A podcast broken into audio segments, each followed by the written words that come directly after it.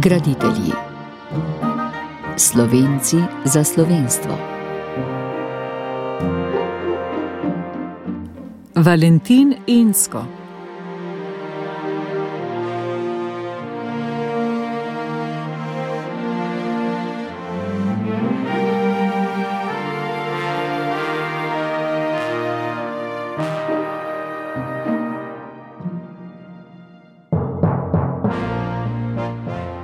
Narodni in kulturni delavec ter znan katoliški laik Valentin Insko pripada znani koroški rodbini Einšpilerjev, ki izhaja iz sveč v rožu na Koroškem. V celovcu je končal učiteljišče, v Gracu pa slavistiko in zgodovino z dizertacijo o življenju in delu Andreja Einšpilerja, svojega praprastrica.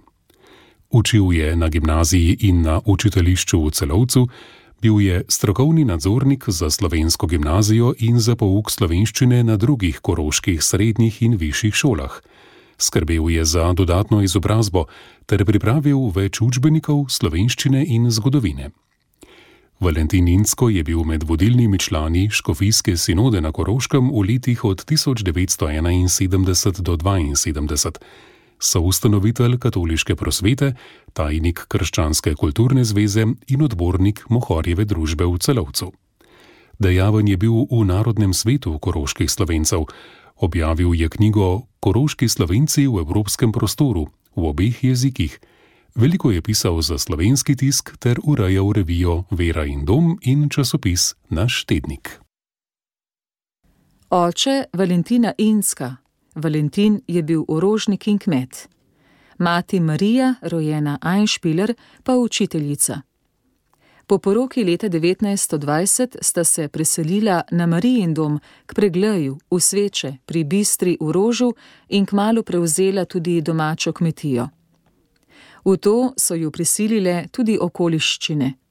Mati Marija je izgubila službo, ker je na plebiscitu glasovala za Jugoslavijo zato se je odločila iz ljubezni do slovenskega jezika. Brez službe je ostal tudi Valentin Insko, ker se je poročil za agitatorko. V pričakovanju otroka sta si uredila dom in se oprijela dela na kmetiji. Prvorojencu sta dala ime Oton. Za njima se je 22. januarja leta 1923 rodil Valentin, ki so ga klicali kar Foltej. V naslednjih letih sta dobila še brata Francija in sestro Marijo. Valentin Insko je bil ponosen na svoj rod. V pogovoru za revijo Ognišče je spomladi leta 1998 povedal: Rodil sem se v hiši, iz katere izhaja posredno ali neposredno šest duhovnikov Einšpilerjev. Moja mama, učiteljica Marija Einšpiler, so nam posredovali tradicijo Einšpilerjeve rodbine. Profesor Andrej Einšpiler je bil slomškom soustanovitelj Mohorjeve družbe leta 1851 in prvi slovenski poslanec v Koroškem deželnem zboru. V vrsti slovensko in nemško pisanih glasil je budil politično in kulturno zavest koroških slovencev, ter se zauzemal za enakopravnost slovencev z nemškimi sodeželani. Stolni prošt Lambert Einspieler je bil prvi zastopnik koroških slovencev v avstrijskem parlamentu na Dunaju od leta 1887 do leta 1901. Frančiškan pater Oton Einspieler je vzgajal duhovniški naraščaj na Kostanjevici na Goriškem. Prošt Gregor Einspieler je bil lastnik kulturno, političnega glasila Mir med leti 1888 in 1920. Valentin Foltej je bil majhen in slaboten, pogosto bolan. Zato se je mati zauzela zanj in poskrbela, da mu ni bilo treba opravljati težjih del. Imel je smisel za petje in glasbo. V domači vasi so imeli ljudsko šolo, tam je začel igrati violino. Razmere na Koroškem so bile v letih po plebiscitu za slovence precej težke. Nemško govoreči korosci so na nje gledali kot na izdajalce Avstrije, če tudi niso glasovali za priključitev Južne Koroške k Jugoslaviji. Čeprav so bili kraji povsem slovenski, so imeli v domačem jeziku le verouk. Časi so se od takrat zelo spremenili. Ko sem med leti 1929 in 1934 obiskoval ljudsko šolo v Svečah, so govorili vsi otroci, razen nadučiteljevih ščirk, slovensko, pouk pa je bil nemški. Danes govori večina otrok nemško.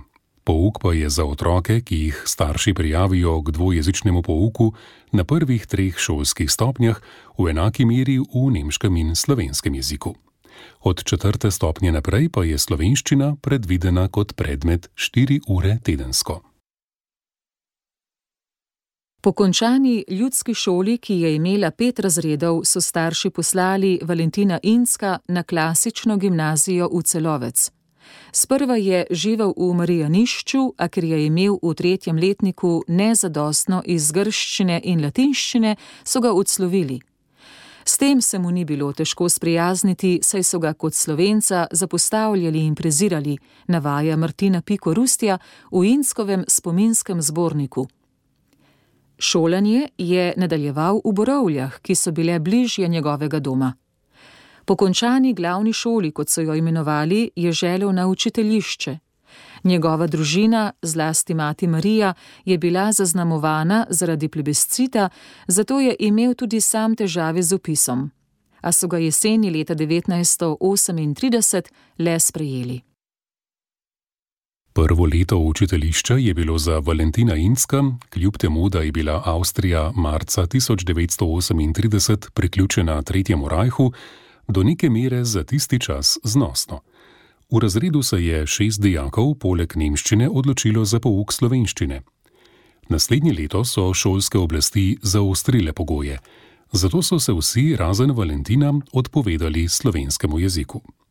Slednji je pri navedbi materinščine ustrajal pri obeh jezikih. Zaradi njega je moralo učiteljišče ohraniti pouk slovenščine, ki bi jo sicer nadomestili z angliščino. Marsika je moral prestati, saj so ga napadali tako profesori kot dijaki. Moral je tudi na krajšo predvojaško vzgojo. Poleti 1939 je bil v Ljubljani kongres Kristusa kralja, ki sta se ga udeležila tudi Valentin in njegov starejši brat Oton. Po besedah Martine Piko Rustja sta se na mamino željo oglasila pri voditelju visokošolske mladine Lambertu Erlihu. Poskrbel je, da sta bila nekaj časa med mladimi v akademskem domu, kjer se je Valentin navzel ozračja, v katerem se je oblikovala in odraščala slovenska katoliška mladina. To ga je še utrdilo tako v slovenstvu kot krščanstvu, kar je bilo v naslednjih letih še kako pomembno. Pritisk na slovence se je na Koroškem med vojno oziroma v letih 1941 in 1942 močno zaostril. Valentin Insko je takratne razmere za ognišče opisal takole. Hodil sem v šolo, ko so na Koroško prišli nacisti. Iz šolskih razredov so pometali križe, ki so prej viseli v vseh javnih prostorih. Snažilka jih je lepo zložila v košaro. Ker sem jo videval v cerkvi pri Maši, sem vedel, da jih je z veliko bolečino nesla iz šole. Srečal sem jo in jo prosil, če mi da en križ. Z veseljem mi ga je odstopila. Slovenske kulturne in gospodarske ustanove so bile za časa Hitlerja ukinjene. Slovenska beseda je bila, potem ko je nemška vojska zasedla Jugoslavijo, v javnosti prepovedana. Slovenski duhovniki so bili premeščeni v nemške predele dežele, nad 200 slovenskih družin so nacisti izselili v razna taborišča v Nemčiji. Sledil je protinacistični upor.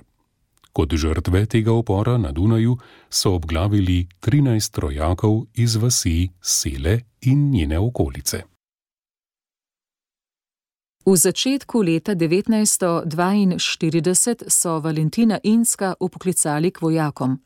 Odločil se je za nižjega oficirja, ker je upal, da bo zaradi šolanja dalj časa ostal v ožji domovini. Za nekaj časa je moral na bojišča na Finsko. Po vrnitvi od tam so ga poslali v Dunajsko novo mesto na Vojaško akademijo. Sledila so bojišča v Italiji in nato v Franciji. Februarja leta 1945 ga je v Alzaciji zajela ameriško-francoska enota. V ujetništvu je ostal do marca leta 1946. Medtem, ko se njegov brat Oton ni vrnil iz vojne, je bil Valentin hvaležen Bogu, da je preživel in da mu ni bilo treba uporabljati orožja.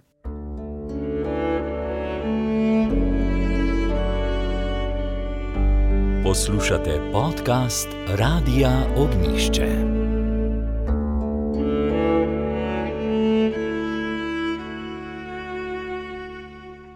Večletna odsotnost je ob prihodu iz ujetništva Valentina Inska nekoliko zmedla, saj se je moral privaditi na nove razmere na Koroškem.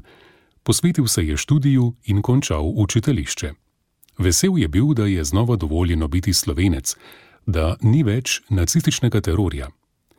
A v prizadevanja za poenotenje slovenske skupnosti se je zarezala politika. Za povezovanje koroških slovencev si niso prizadevali le v katoliškem taboru, kjer je videl svoje mesto Valentininsko, ampak tudi v krogu rojakov, ki so se navdihovali v načelih osvobodilne fronte. Slednji so imeli v svojih vrstah agente, ki jih je prikrito vodila jugoslovanska udba.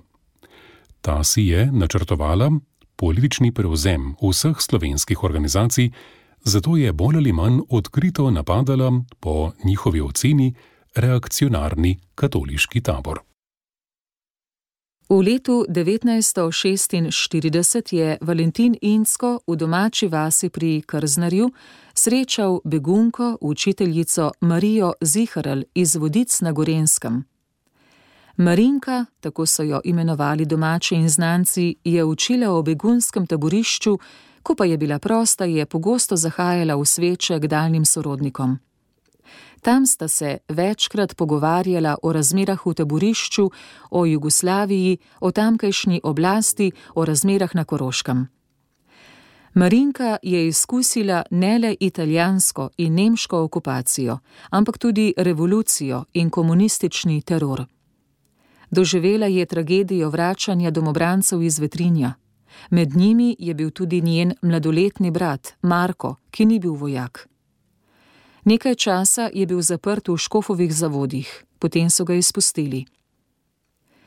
Valentin je ob njej spoznaval še drugo plat svobode, ki je zavladala na sončni strani Alp.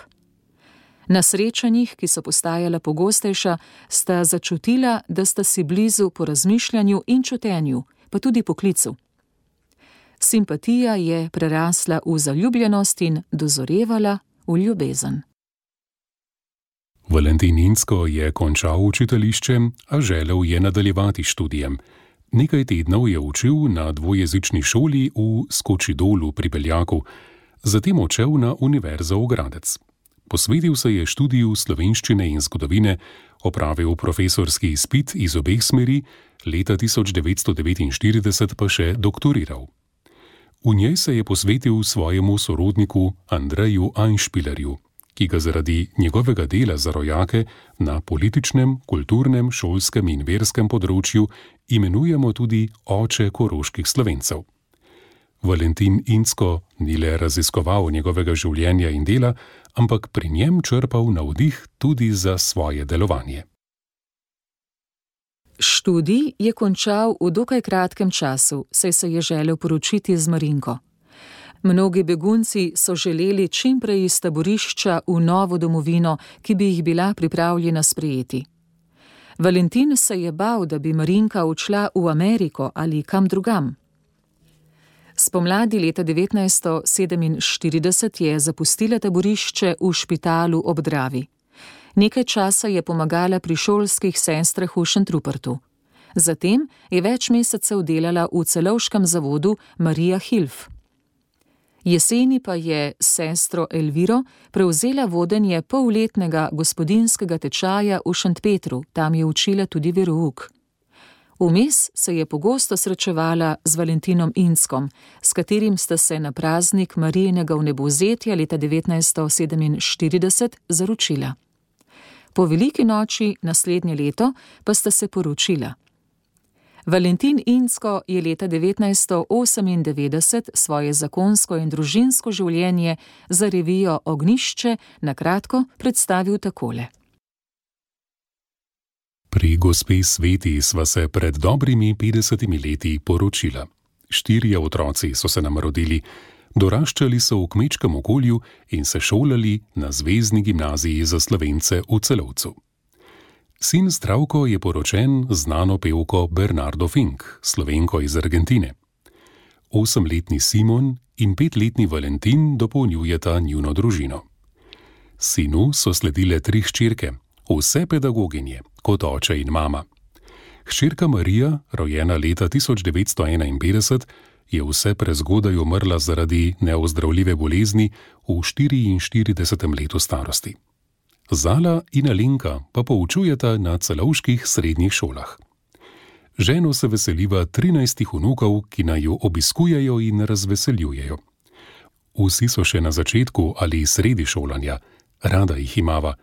Za prihodnost si želiva predvsem zdravja.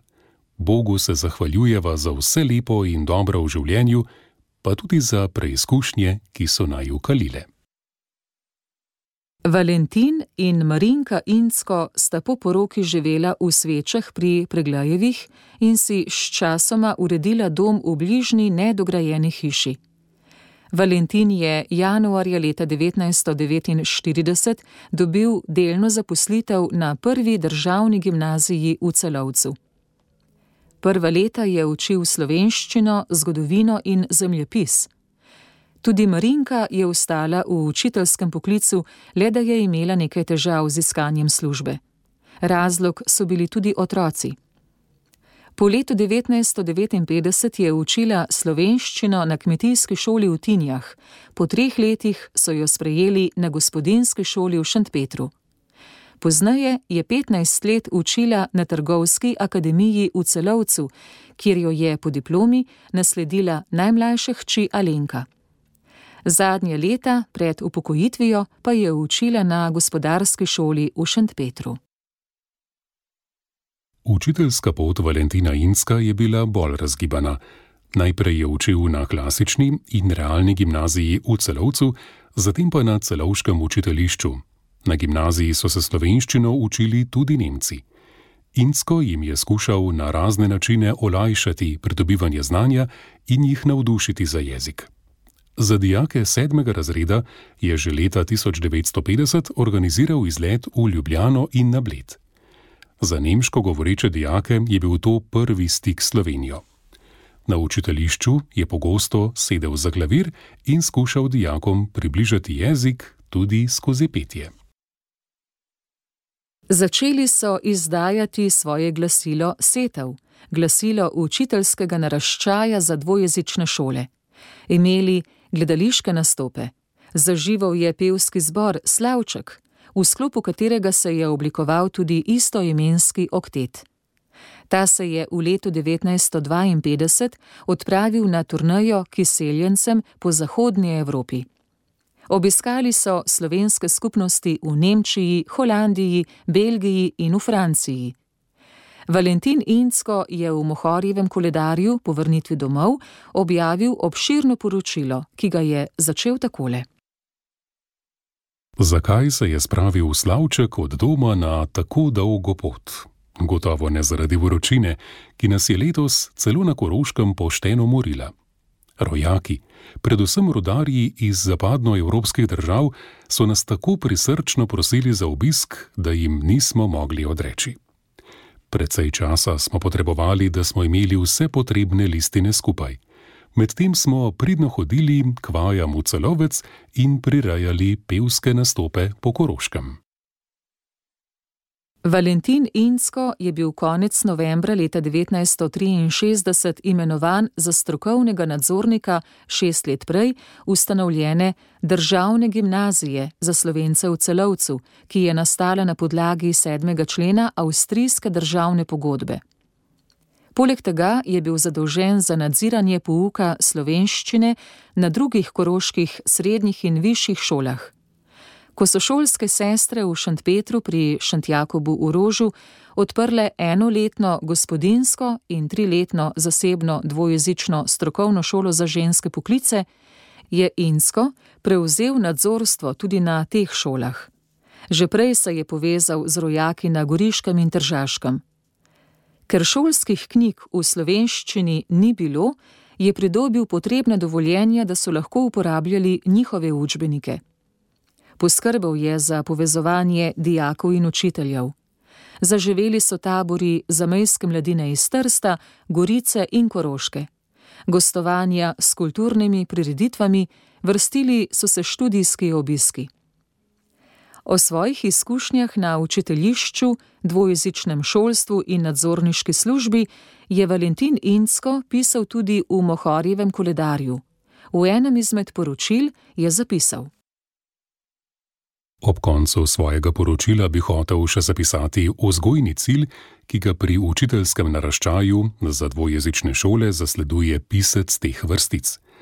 Vzgojiti za dvojezično ozemlje vrsto učiteljev in učiteljic, ki bodo obvladali pismeno slovenščino, poznali slovenski kulturni svet, spoštovali svoj materinski jezik ter se zauzemali za mirno sožitje obeh narodov v deželi, kot zvesti avstrijski državljani.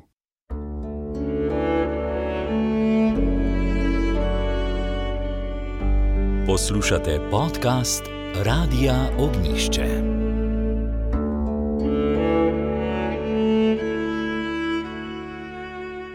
Poleg nadzora šol, kjer so poučevali slovenščino, je Valentin Insko prevzel še vodstvo manjšinskega šolskega oddelka pri deželnem šolskem svetu. Obe službi je obdržal do upokojitve leta 1988. Obenem je poučeval slovenščino, kjer je bilo treba, nekaj časa celo na šoli za organiste na Kamnu in kmetijski šoli v Tinjah. Šolstvo pa ni bilo edino področje njegovega dela, saj je od mladih let sodeloval povsod, kjer so se srečevali slovenci. Od kulturnih in političnih do crkvenih prireditev. Zavedal se je, kaj pomenita pisana beseda, kaj tisk in slovenske knjige. Obenem je čutil, da morajo slovenci iskati tudi stik z Nemci in živeti v sožitju z njimi, če želijo graditi skupno prihodnost države. Valentin Insko je bil leta 1948 v skupini rojakov, ki so si prizadevali za izdajo prvega povojnega Mohorjevega koledarja. Zatem je bil več desetletij v uredniškem svetu založbe. Ko je leta 1984 začel izhajati celovški zvon, je v izdajateljskem odboru zastopal Mohorjevo. V koledarju je objavljal razna poročila, članke o kulturnem in cerkvenem življenju, spominske zapise ob smrti znanih osebnosti. Pri Mohorjevi je izdal več svojih knjig. Zgodovina slovencev do leta 1918 gre za delo v dveh delih in v obeh deželnih jezikih. Koroški slovenci v evropskem prostoru, slovensko vadnico, učimo se slovensko in več drugih učbenikov. Kot soavtor je pomembno prispeval k dokumentacijskemu orisu zgodovine družbe svetega Mohorja. Poudarjal je, da je Mohorjeva družba pomembna za narod in da je tudi njegova osebna srčna ljubezen.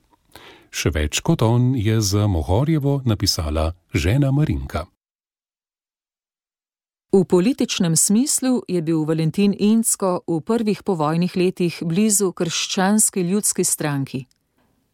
Ko je bil leta 1949 junija ustanovljen Narodni svet koroških slovencev, je bil med ustanovitelji tudi Valentin Insko. Njegova vloga ostaja nespremenjena do danes. Gre za narodno politično organizacijo koroških slovencev, ki zastopa njihove politične, kulturne in gospodarske pravice in interese podpira samostojno kandidaturo koroških slovencev pri volitvah, še zlasti na občinski in deželni ravni. Insko je bil najprej tajnik Narodnega sveta, med letoma 1960 in 1968 pa tudi predsednik. Vrsto let so izdajali glasilo Naš tednik, V njem je objavil vrsto politično usmerjevalnih prispevkov. Zato je doživel vrsto napadov strani skrajno desnega Heimat Drinsta. Med drugim so ga tožili, ker je zapisal, da glede na demokratično ureditev Avstrije ne bi smel delovati. Bil je obsojen in zaprt za teden dni. Valentin Insko je ostal predsednik Narodnega sveta koroških slovencev do oktobra 1968, ko so ga načrtno odstranili.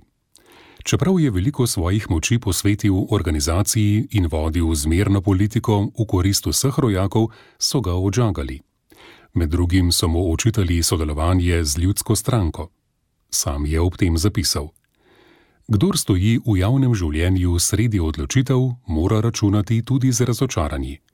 Vendar me taki trenutki v mojem življenju nikoli niso potrli, temveč sem po vsaki težji življenjski preizkušnji se vprašal, kako bom zastavil v bodoče svoje sile še bolj uprit slovenski narodni skupnosti na Koroškem.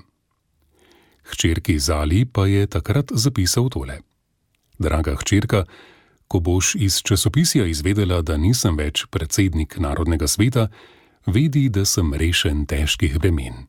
Veselim se, da bom imel zdaj več časa za vas. Tako kot je bil Valentin Insko zvest slovenstvu in materinemu jeziku, je bil tudi veri, ki jo je prejel od staršev in svojih prednikov. Žena Marinka je po njegovi smrti med drugim povedala: Foltej je veliko molil, ni preslišal zvoniti Ave Marija, že bral je po maminem zgledu. Vse delo za narod je vršil rad in ga vzel zelo resno. Znal je odnehati in odpustiti. Znal se je tudi veseliti. Še vedno je med nami svojo mirno avtoriteto in naroča: držite se, samozavestni budite. Ostanite zvesti rodu in Bogu, kakor sem bil jaz zvest. To sta njegovo naročilo in oporoka. V tem duhu je bil dejaven v domači župniji, kjer je redno igral orgle pri jutranjih mašah, prepeval pri pevskem zboru. Kot kristjan je bil dejaven tudi v širši skupnosti. Sodeloval je pri Krščanski kulturni zvezi, kjer je bil nekaj časa tajnik in urednik mesečnika Vera in Dom. Leta 1956 je bil soustanovitelj katoliške prosvete, ki je pripomogla, da je katoliški delovni odbor dobil redna državna sredstva. Tri leta zatem je ustanovil Zvezo slovenskih katoliških izobražencev.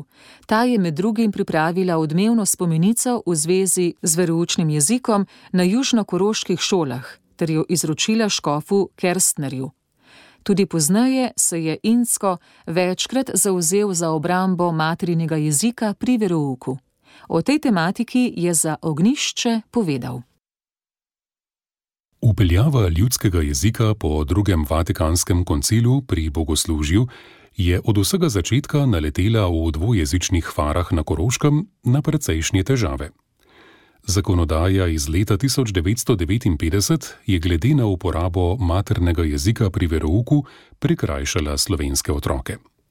Škofijska sinoda se je morala tudi zato ukvarjati z vprašanjem verouka na dvojezičnem ozemlju. Sploh je bilo treba vrsto vprašanj, ki zadevajo rabo jezika na različnih področjih dvojezičnih far, rešiti v duhu nemško-slovenskega sporazuma kar pride do izraza v načelni izjavi dokumenta o sožitju. Dejstvo, da v škofiji Krka celovec stoletja žive Nemci in Slovenci, je za nas dokaz mnogovrstnosti stvarstva in živa zgodovinska danost, zato hvaležno prevzemamo nalogo kristijanov na Koroškem, da oba ta naroda vodimo k boljšemu vzajemnemu razumevanju in s tem dejansko prispevamo k sožitju v duhu krščanske bratske ljubezni. Da je treba rešiti v cerkvi odprta vprašanja v duhu sožitja, je v krški škofiji po sinodi priznana praksa. Ni vprašanja, ki se ga ne bi dalo rešiti v dialogu, v sodelovanju. Škofija priznava slovencem njihov življenjski prostor. Omenjena sinoda Krške oziroma celovške škofije je bila leta 1972 in je želela v duhu koncila prenoviti krajevno cerkev tudi v smislu čim bolj dejavnega sobivanja obeh narodov na Koroškem. Valentin Insko je bil član osrednje komisije sinode, ki je pripravljala sklepni dokument o sožitju. Njegovi nastopi so bili precej odmevni. Mnoge je presenetil s tem, ko je na zasedanju sinode Nemce na Koroškem prosil odpuščanja za vse, kar so jim slovenci slabega storili. Kot je povedal, je to storil iz čisto krščanskih nagibov. Ta njegova gesta je odmevala desetletja. Ko je Valentin Insko dopolnil 75 let, je Janko Merkač v čestitki v nedelji omenil tudi to njegovo dejanje. Ta prispevek je resnično zarezal ozračje sinode. Prosil si namreč odpuščanja za vse, kar smo slovenci prizadeli hudega nemško govorečim. Šele polagoma so se sinodali zavedli teže tvojih besed. Vem, da niso bile deležne le odobravanja. Trajalo je nekaj časa, preden se je tudi na strani nemško govorečih nekdo oglasil in prosil slovence za odpuščanja, za krivice, ki smo jih utrpeli z njihove strani. Osebno sem prepričan, da je bila prav ta tvoja krščanska gesta eden od odločilnih ključev, ki so odprli vrata in je bil sprejet dokument o sožitju. Katoliška crkva na Koroškem je takrat stopila na novo, povsem drugačno pot. Sklepi sinode in uzakonitev dokumenta o sožitju Nemcev in Slovencev so bili šele začetek te poti. Škof Kerstner je v začetku leta 1974 na tej osnovi ustanovil Nemško-slovenski koordinacijski odbor za krško škofijo. Van je imenoval 44 mož in žena iz dvojezičnih koroških dekanij z namenom, da bi skrbeli za sodelovanje med nemško in slovensko govorečimi kristijani. Z ustanovitvijo odbora, ki sta ga vodila Ernst Waldestein in Valentin Insko, je slovenščina uradno postala enakopravni in enakovredni jezik v bogoslužju, pri verouku in pri drugih pastoralnih dejavnostih v krški škofiji. Skrbela sta za krepitev dialoga in sožitja ter skupaj uredila enajst zvezkov dvojezične publikacije Skupna Koroška. Za številne zasluge je Valentin Ninsko na stara leta prejel številna priznanja in odlikovanja. Država Avstrija mu je podelila naslov dvornega svetnika, strani cerkve pa je dobil red svetega Silvestra. Leta 1988 je dobil prvo Einspielerjevo nagrado, pred smrtjo pa še Tišlerjevo nagrado. Sam je ob nekem življenjskem meniku zapisal: Če pregledam svoje poklicno in javno delovanje, potem z mirnim srcem lahko rečem, da so bila izpolnjena ta leta z doslednim delom za narod. Vse to pa je bilo možno zaradi opore, ki sem jo pri tem delu našel v družini. Največje priznanje zanj so bili otroci in vnuki, ki nadaljujejo njegovo delo. Valentina Inska je konec avgusta leta 2002 v domači hiši v svečah zadela kap. Nekaj mesecev pozneje, 6. novembra, je umrl v celovški bolnišnici. Sin Zdravko se je v predstavitvi zbornika Valentin Insko, glasnik sožitja, takole spominjal njegovih zadnjih dni. Še malo pred smrtjo mi je rekel: Ti si en fajn pup. Nekaj podobnega je rekel tudi sestrama. Smrt je sprejel udano in je mirno zaspal. Sestrama smo bili v bolnišnici, tudi mama. Tiho smo pomolili in ga še pobožali. Na mrtvaški odr smo ga položili v njegovi domači hiši pri pregledu v svečah, v tisti hiši, kjer se je rodil. In ogromna množica ga je spremljala k zadnjemu počitku. Pogreb je bil 9. novembra leta 2002 v Svečah. Škof Egon Kapelari, s katerim sta se pogosto pogovarjala, ko je bil še v celovcu, je o njem zapisal. V krščanski veri je bil dr. Valentin Insko po nauku katoliške cerkve vse življenje globoko zakoreninjen. Pogosto izrečena tridelna formula za slovensko katoliško identiteto Bog, Mati, Domovina je bilo navdihujoče obzorje tudi tega zvestega sina cerkve.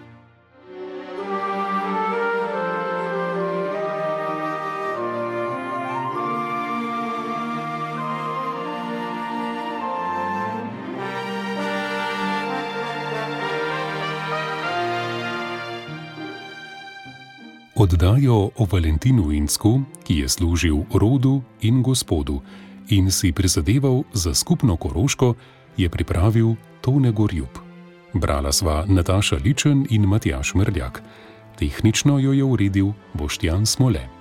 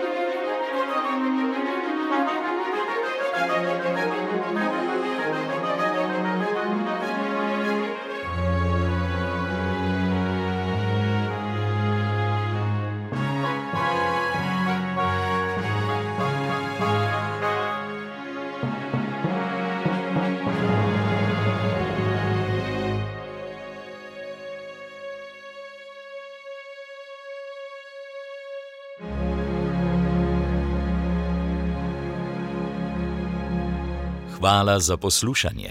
Podprite brezplačen dostop do naših vsebin in postanite prijatelj Radia Ognišče.